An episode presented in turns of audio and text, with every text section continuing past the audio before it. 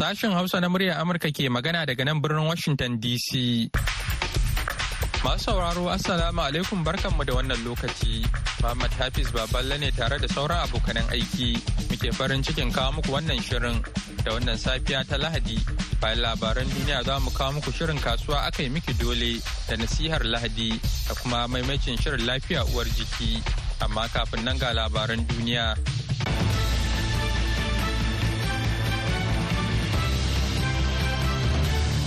Jama'a salamu alaikum da fatan an waye gari lafiya. Yau ranar Lahadi goma ga watan Disamba na shekarar 2023 ga labaran duniya mai karantawa Sarfila Hashim Gumel.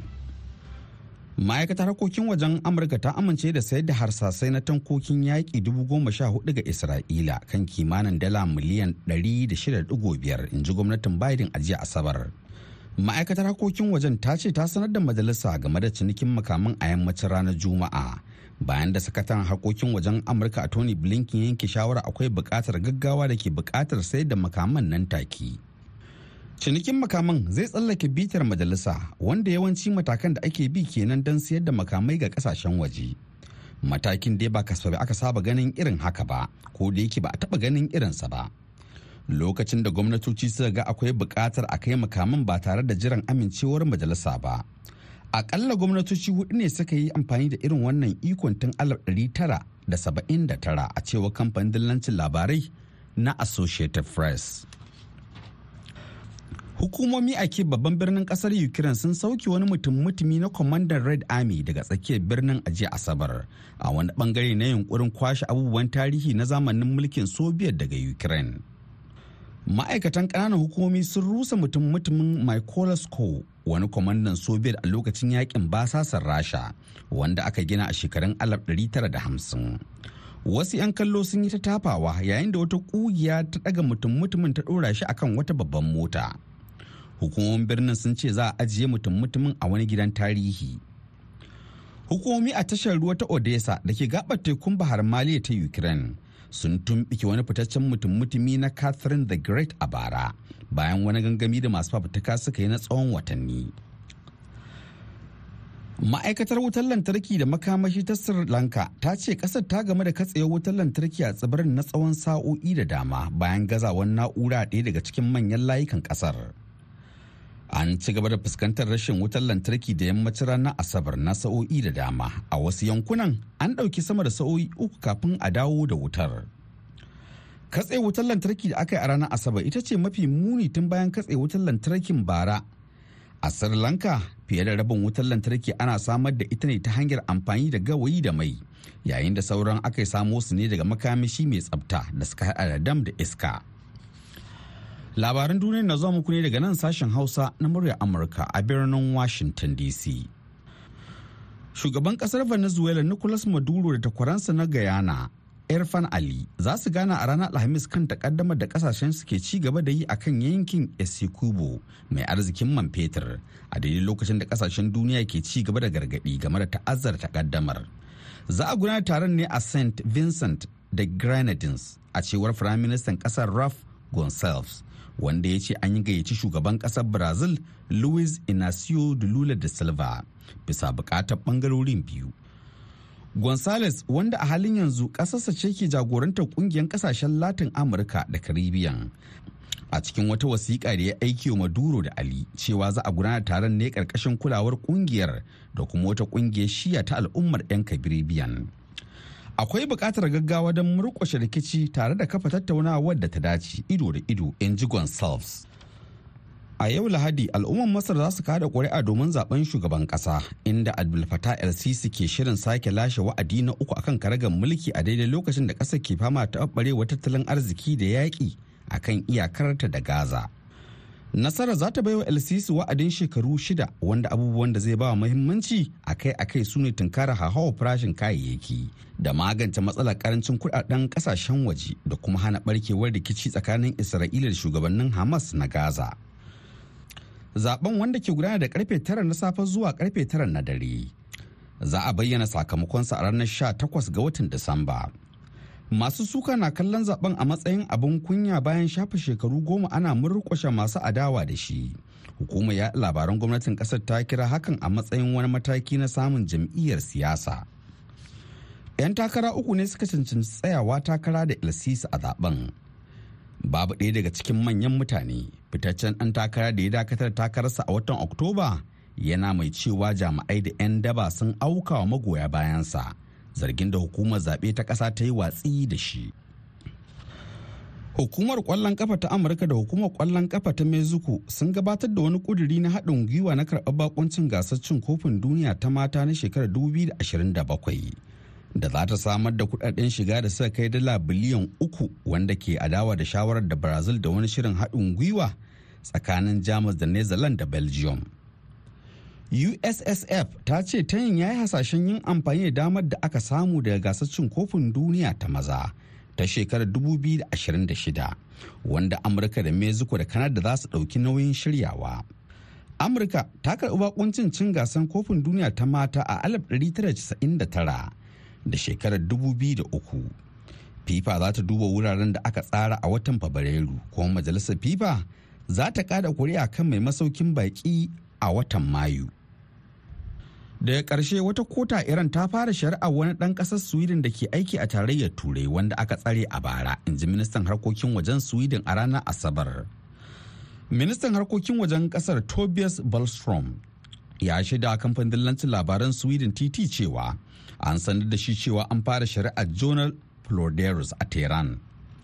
An tsale Ploderus ne a watan afrilun 2022 yayin da yake hutu a iran saboda abin da danginsa suka ce ana zarginsa da leƙen asiri. Billstrom bai fayyace abin da aka tuhumi floridas da shi ba. Iyalan floridas sun ce an tsare shi ba tare da wata hujja ko dalili ba. Ƙungiyoyin kare haƙƙin bil'adama da gwamnatocin ƙasashen yammacin duniya sun zargi jamhuriyar musulunci ta iran da ƙoƙarin samun sauƙi na siyasa daga wasu ƙasashe ta hanyar kame kan zargin tsaro da wataƙila ta yi katsalandan. Teran ta ce irin wannan kame ya samo asali daga ka'idojin aikata.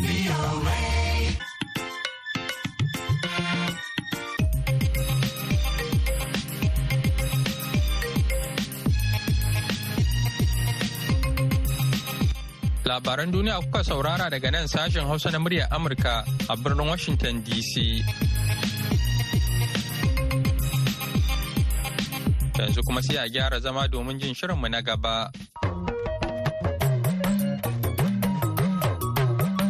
Shirin BOA Hausa. Kasuwa a kai mikido ne Kasuwa To masu saurari Assalamu alaikum. Barkanmu da saduwa a wani sabon shiri na kasuwa a kai maki dole daga nan sashen Hausa na murya Amurka wanda a yau shirin yana jihar Kogi inda muka leƙa kasuwar ƙasa da ƙasa da ke birnin Lakwaja wato International Market Lakwaja.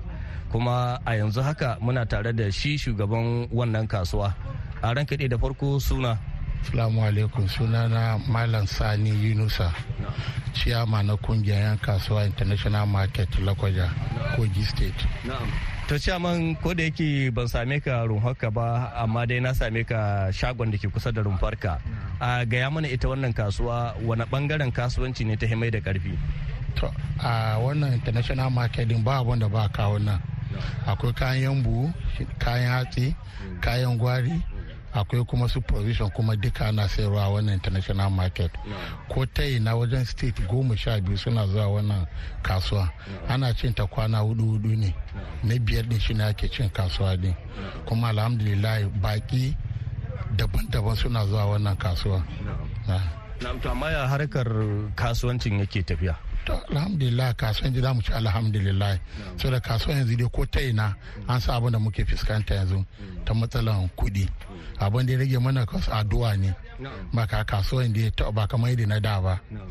Amma da aka yi wannan zaɓe din allah dai za mana mai alheri. Ba kasuwan to wato kana nufin yanzu ba a samun ciniki kamar ba kamar da ina ina ciniki ba kamar da ba. Yanzu wanda kai shigo kasuwan ma wajen ƙarfe tara zuwa goma yanzu ba gan kowa zaune a bakin ƙofar shagonsa ba. A yanda da ne zaka ga kwastoma na shiga ina fita wani na ɗauka wanda haka ko mu ma masu da kayan hatsi kamar su wake shinkafa ba ka ta da ba muna zuwa wajen nima. Amma yanzu ga mu a zaune. Muna jira abin da Allah zai mana. Na'am. Kayan magana kayan hatsin nan yanzu a nan kamar nawa kuke sai da ko kwano ko kuma buhu? To kaman buhun wake yanzu dubu ɗari da goma ne kowane buhu. Wani irin wake? Ja ko fari? Fari. Ai jan wake ta fi kowane ma kuɗi masara kuma tana dubu talatin da biyar a yanzu. Kuma sabo ne kuma amma tana dubu talatin da biyar. Kashi ma wannan ma sabon tafi to tsoho ma na sayarwa dubu arba'in da biyar na sayar. Masara. Da kuwa ba tafi dubu bakwai dubu goma ba. Amma yanzu sabon masara yanzu din za ka saya nan dubu talatin da biyar ne. Na'am kenan an samu karin farashi kenan. Sosai ma dai an samu kuma mun sabon da Allah zai zuwa gaba ba. Me ya kawo tashin farashin wannan yanayi ne da Najeriya din ta zo ne. Batun wannan cire tallafin mai din shi ne jawo komi da komi. So da kamar daga zaria yanzu da muna ɗaukan buhu ɗaya daga zaria dan magaji zuwa nan. Zuwa nan lakwaja ɗari shida.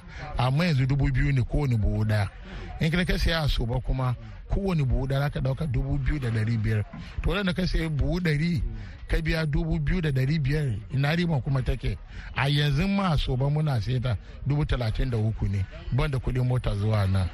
Ah. yanzu ciyaman tun da kai ne shugaban ƙungiyar 'yan kasuwa ita na wannan kasuwa kamar menene kamar babban ƙalubale wanda kuke ganin ya kamata a ce gwamnati ta shigo ta yi muku? To da muke wannan kasuwan gwamnati bata taba ba mu cewa ga loan ta ba yan kasuwa ba. Ba wani dan kasuwan da gwamnati ta taba ba cewa ga loan an bar ba taba ba mu ba. So muna roka ga gwamnati wanda ta ci yanzu ta dube mu da idon basira. Ta san da mu in ma za a sai wani kaya ne a zo kasuwan mu a saya mana maimako a wuce wani gari a ji a saya. In za su yi sayayya ba su zuwa nan sai a ba su a zuwa nan sha je kano can arewa a ji a saya. Mu kuma a bar mu a zubi a nan. To da yake muna bakin shago na wani bawan Allah mai gida suna? Assalamu alaikum warahmatullah. Sunana Nura Abdullahi. Nan shagon ka ne? Eh nan shago na. Da mi kake sayarwa ko da yake na gani amma dai faɗa ma saurari Eh ina sai da fulawa, siga, shinkafa, clean, sabulu, different type, indomie da sauransu. na'am kamar to siga nawa kake sai da buhu na Eh yanzu muna sai da siga naira dubu sittin da ɗaya. to kenan farashin ya karu kenan Eh ya dan ma sauka kaɗan da sittin da biyu ne. kaman eh, ga omo can na gani shi nawa ake sai Eh ana sai da shi akwai different type, ana sai da biba 5-6 ana sai da wani kamar wani da dubu biyar da ɗari shida. dubu biyar ɗari shida kamar wani 80 gram. Kaman 85 gram dubu biyar da ɗari uku. Kaman 350 gram ana sai da shi naira dubu biyar da ɗari biyar. 850 gram ana sai da shi dubu shida da ɗari takwas. Yawa kaman bi- wawo ana sai da shi dubu huɗu. Kamar me wannan nake gani da eh series of ne. Shi kuma farashinsa quantity naira dubu goma sha shida da ɗari takwas. To amma a kasuwar take yanzu tana dan jiya ko? Alhamdulillah amma abubuwa sun canza. Daga lokacin da aka samu canjin price din man fetur to kasuwa ya yi ƙasa. Daga lokacin da aka samu rufewa bodoji a najeriya kaya sun hau. Kana ne batun rihe boda ɗin nan gaskiya shine babban abin da ya jawo hawa kaya a najeriya. Rufe bodan niger ya sa kayan abinci sun yi tsada. Don ana samun kaya suna shigowa ta wannan hanya lokacin price bai kai yadda ake yanzu ba. To kuma ga kuma maganar man fetur shi kuma ya sa transport ya yi kuɗi.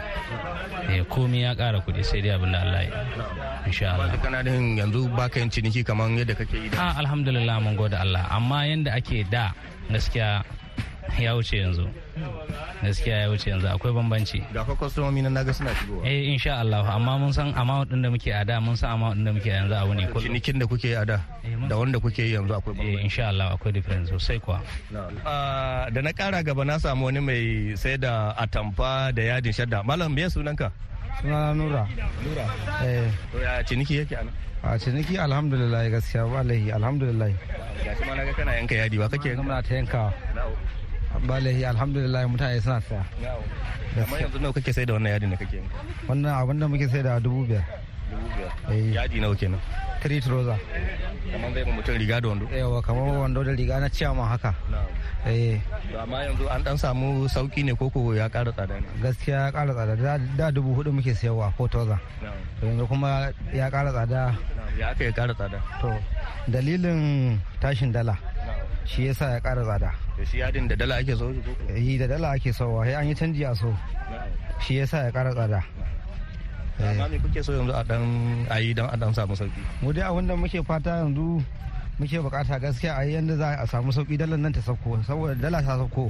Komi zai yi kasa To bayan mun kammala da wajen 'yan abinci da masu probation mun matso wurin masu sai da kayan gwari kuma yanzu haka ina wurin 'yan kankana da agushi da salat da sauran kayayyaki dai na kayan ruwa wato hadda lemu.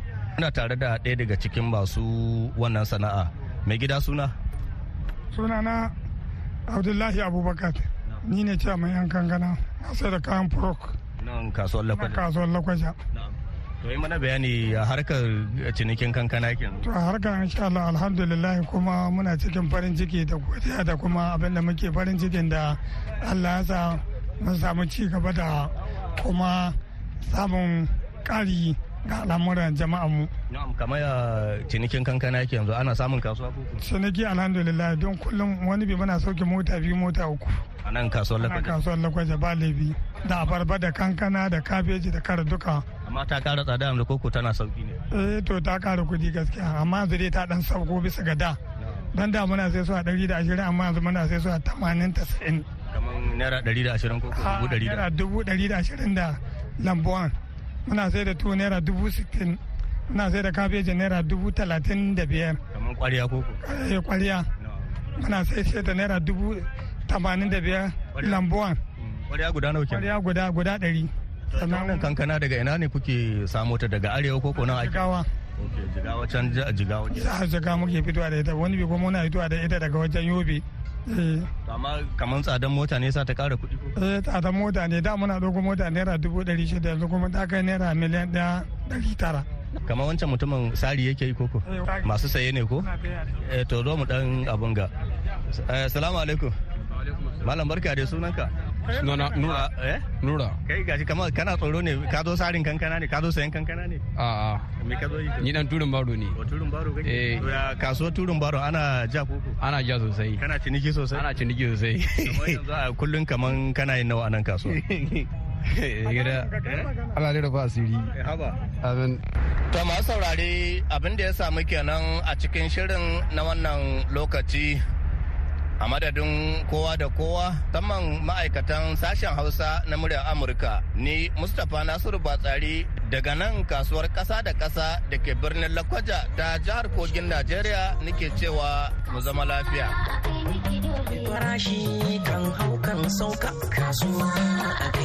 Masu sauraro kada a shafa har yanzu ana tare ne da sashen Hausa na muryar Amurka a birnin Washington DC. Yanzu kuma ga nasihar Lahadi.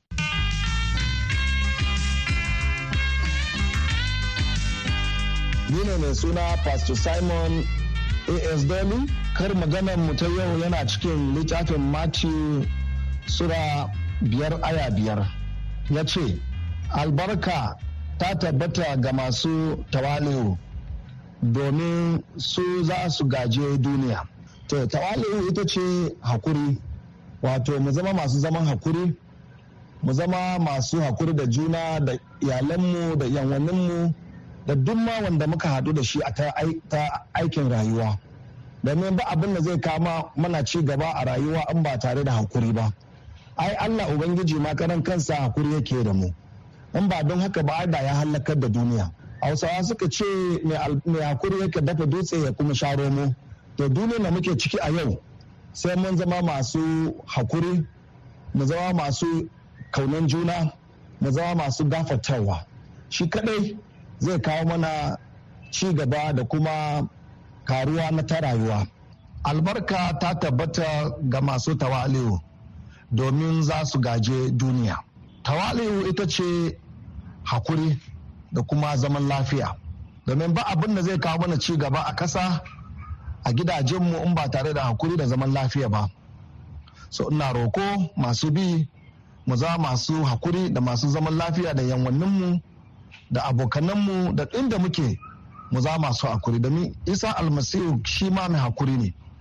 Kuma an ba mun haƙuri da junanmu ba ba za mu samu ci gaba ba. Domin allah karan kansa haƙuri yake da mu. Hausawa suka ce mai haƙuri yake ya dafa dutse ma ya sha romo. To ina roƙon ku mu za masu haƙuri mu za masu son zaman lafiya domin wannan kasanmu ya samu ci gaba. Allah ya taimake mu. Na gode. Allah ya bishe ku duka. Madalla yanzu kuma sai maimacin shirin lafiya uwar jiki. Jama'a masu sauraron mu barkanku da warhaka, barkanku da sake kasancewa tare da mu a cikin wani sabon shirin lafiya uwar jiki. Tare da ni Hauwa Umar. Shirin lafiya uwar jiki na wannan mako zai yi magana ne akan ciwon noma ko gauɗe kamar yadda wasu ke kiran cutar.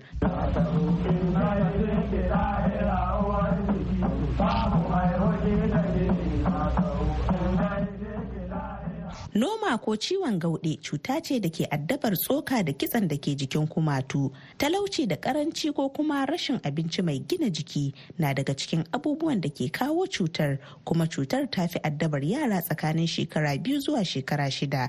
Cutar noma ta yi kamari a nahiyar Afirka. Hukumar Lafiya ta Duniya ta saka cutar gauɗe a jerin cututtukan da ba a fiye kula da su ba, wanda hakan ya sa Hukumar Lafiya ta Najeriya tare da haɗin gwiwar Hukumar Wayar da Kai ta ƙasar da sauran masu ruwa da tsaki a harkar lafiya a Najeriya suka yi taro a Abuja don duba hanyoyin da za a bi don samar da mafita game da yadda cutar ke addabar yara musamman a Najeriya. Baya ga haka kuma an buɗe sabon asibitin kula da masu fama da wannan cutar a Abuja saɓanin da da asibiti ɗaya ne kacal a jihar Sokoto da ke duba masu fama da wannan cuta ta noma ko gauɗe. Shin menene ciwon noma? Ƙwararren likitan yara Dr. Lawal Musa Tahir da ke asibitin Nizami a Abuja ya yi mana ƙarin bayani. Ciwon noma ko abin da a likitanci ake ce cancrum oris wata cuta ce da take addabar tsoka da tantani da kitsan da ke jikin kumatu. Tana farawa da ɗan ƙaramin ciwo haka kamar ɗan ƙaramin gyambo cikin ɗan ƙanƙanin lokaci sai ta wawake naman da kitsan da sauran jijiyoyi da suke a jikin shi kumatun nan yadda haƙora za su fito waje sai ka ga ya ɓata wa mutum fuska matuƙa. Shin me ke kawo cutar? To takamaimai abin da ke kawo wannan cuta ta noma ba a tabbatar da shi ba sai dai ana ganin ƙwayoyin cutar nau'in bacteria wadda ake cewa physospirocate irin su pisiformis su da kuma wani lokacin idan yara suka yi kyanda ko tarin fuka sai ga cutar nan ta bullo. Kuma aka ɗauki ruwan da ke wajen aka gwada sai a ga ƙwayoyin cuta da musamman na wannan ita bacteria ta physiformis a wannan wuri. Cuta ce wadda ta fi addaba yaran da suke da matsalancin yunwa wato tamowa. Kuma yawanci masu ɗan ƙananan shekaru an fi ganin ta tsakanin shekara biyu zuwa biyar amma ana iya ganin ta har sha huɗu wani lokacin ma a cikin al'ummar da ake samu matsananciyar ta'ummawa har manyan mutane sukan iya samun wannan cuta. To likita cutar tana da alamu ko sai ta yi nisa kafin ake gane ta? Alamun farko da ake gani na wannan cuta shine ya zama dasashi ko daga cikin shi kumatu sai ya kumbura ya ja yana ciwo. Sai ya zama ya dan samu kamar rauni abin da a turanci za a ce mai ulcer to daga wannan dan ulcer kuma sai ya fara girma kafin sai ruwa ya fara fita ta wurin kafin cikin dan kankanin lokaci kuma sai ya girma ya fara cin nama da kasu har da kashi yana tabawa da sauran abubuwan da suke a jikin shi kumatun. Shin yara ne kawai suke iya samun wannan cuta? To noma cuta ce da ta shafi take da matuƙar alaka da talauci da zama cikin wuri marar tsafta. sannan yara ta fi shafa misali 'yan shekara biyu zuwa biyar wanda suke da cikin tamowa. amma a duk al'umma da take da waɗannan matsaloli to ana iya samun har manyan mutane suna samun ita wannan cuta ta uh, noma. To likita wace hanya ake bi don shawo kan wannan cutar? Idan aka gane cutar da wuri ana iya hana ta'azzarta sannan a maganinta sannan a gyara ɓannar da ta yi. Wanda ta ci to za a ga har sai an yi aiki akan kashi in ta taba kashin sannan sai an zo an yi aiki akan tsokoki da fata da sauran shi wanda likitan da ake cewa plastic surgeons sai sun yi aiki matuka kafin a gyara fuskar na mai da ita yadda take. Amma in an gane ta da wuri ta duk wannan abubuwan sun fi zuwa da sauƙi a wani ɓangare na duniya aka fi samun cutar noma? Wannan cuta ana samun ta duk ɓangaren duniya da yake fama da yunwa da talauci da zama cikin kazanta amma dai alkaluma sun nuna cewar wannan cuta an fi samunta a sub-saharan afirka kuma ba abu mamaki ba ne an ga yadda talauci da matsaloli suke a wannan ɓangare na duniya. Alkalma daga hukumar lafiya ta duniya wato who sun nuna cewar duk shekara ana samun mutum dubu ɗari da arba'in wanda suka kamu da wannan cuta. Saboda ka cuta ce da take addaba al'umma sosai. To likita yaya za a kwatanta yawan yaran da ke cin karo da wannan cutar ta gauɗe musamman a nan Najeriya? Akwai matsalar cutar noma sosai a Najeriya. Uh, wannan ne dalilin da yasa har aka buɗe asibiti musamman wanda ke kula da masu wannan cuta a shekarar 1999 a sokoto kuma yanzu ana ƙoƙarin a sake wani uh, buɗe wani asibitin saboda matsalar nan tana da yawan gaske To a matsayinka na likita wace hanya kake ganin za a bi don kawar da wannan cutar? To cutar noma tana daga cikin tuttukan da za a ce rigakafi ya fi magani cuta ce da idan aka tabbatar yara sun samu tun daga haihuwarsu sun samu isasshen nono sannan bayan sun kai matsayin da za su fara cin abinci an ba su abinci mai gina jiki yadda za a kare yunwa da tamowa kuma ya kasance an kula da tsaftar ruwan sha da wurin da ake zama to insha Allah cuta ce da za a iya kare ta. Sannan dai cututtuka irin su kyanda da ake alluran rigakafin su ya kasance yaran na sun samu haka. To in aka yi waɗannan za a hana yaduwar wannan cuta. Shin menene bambancin noma da kuma cleft? To akwai bambanci matuka tsakanin cleft da kuma noma. Shi cleft abu ne da ake haihuwar mutum da shi. Kenan abin da za a ce mai congenital abnormality. Ba kuma ƙwayoyin cuta ke kawo shi ba. Misali a ce mutum ko ya haɗu da wata bacteria ko wani abu ya kawo mai cleft. Sai dai matsala da ta faru a lokacin da jariri yake cikin mahaifiyarsa. Amma noma abu ne da yake faruwa bayan yaro ma ya kai wataƙila shekara biyu abin da ya zuwa shida. Ko kuma kuma sai idan akwai wani dalili na ƙwayoyin cuta da yunwa da sauransu sannan ake samun shi wannan cutar noma. Sannan cutar noma na cikin ɗan ƙanƙanin lokaci ne abin yake faruwa. To masha allahu likita muna godiya. Jama'a ko kun san cewa gwamnatin najeriya na da kudirin kawar da wannan cuta ta noma ko kuma gauda a najeriya nan da zuwa shekarar 2030 don haka kula da masu fama da wannan matsala kyauta ne. Duka-duka abin da za mu iya ɗauka kenan a shirin namu na lafiya uwar jiki na wannan mako. A madadin dukkan abokan aiki da suka taimaka don ganin shirin ya zo muku dr lawal musa tahir da muka kasance tare da shi a cikin shirin ni hawa umar da na shirya na gabatar a har kullum nake cewa rigakafi ya fi magani mu huta lafiya.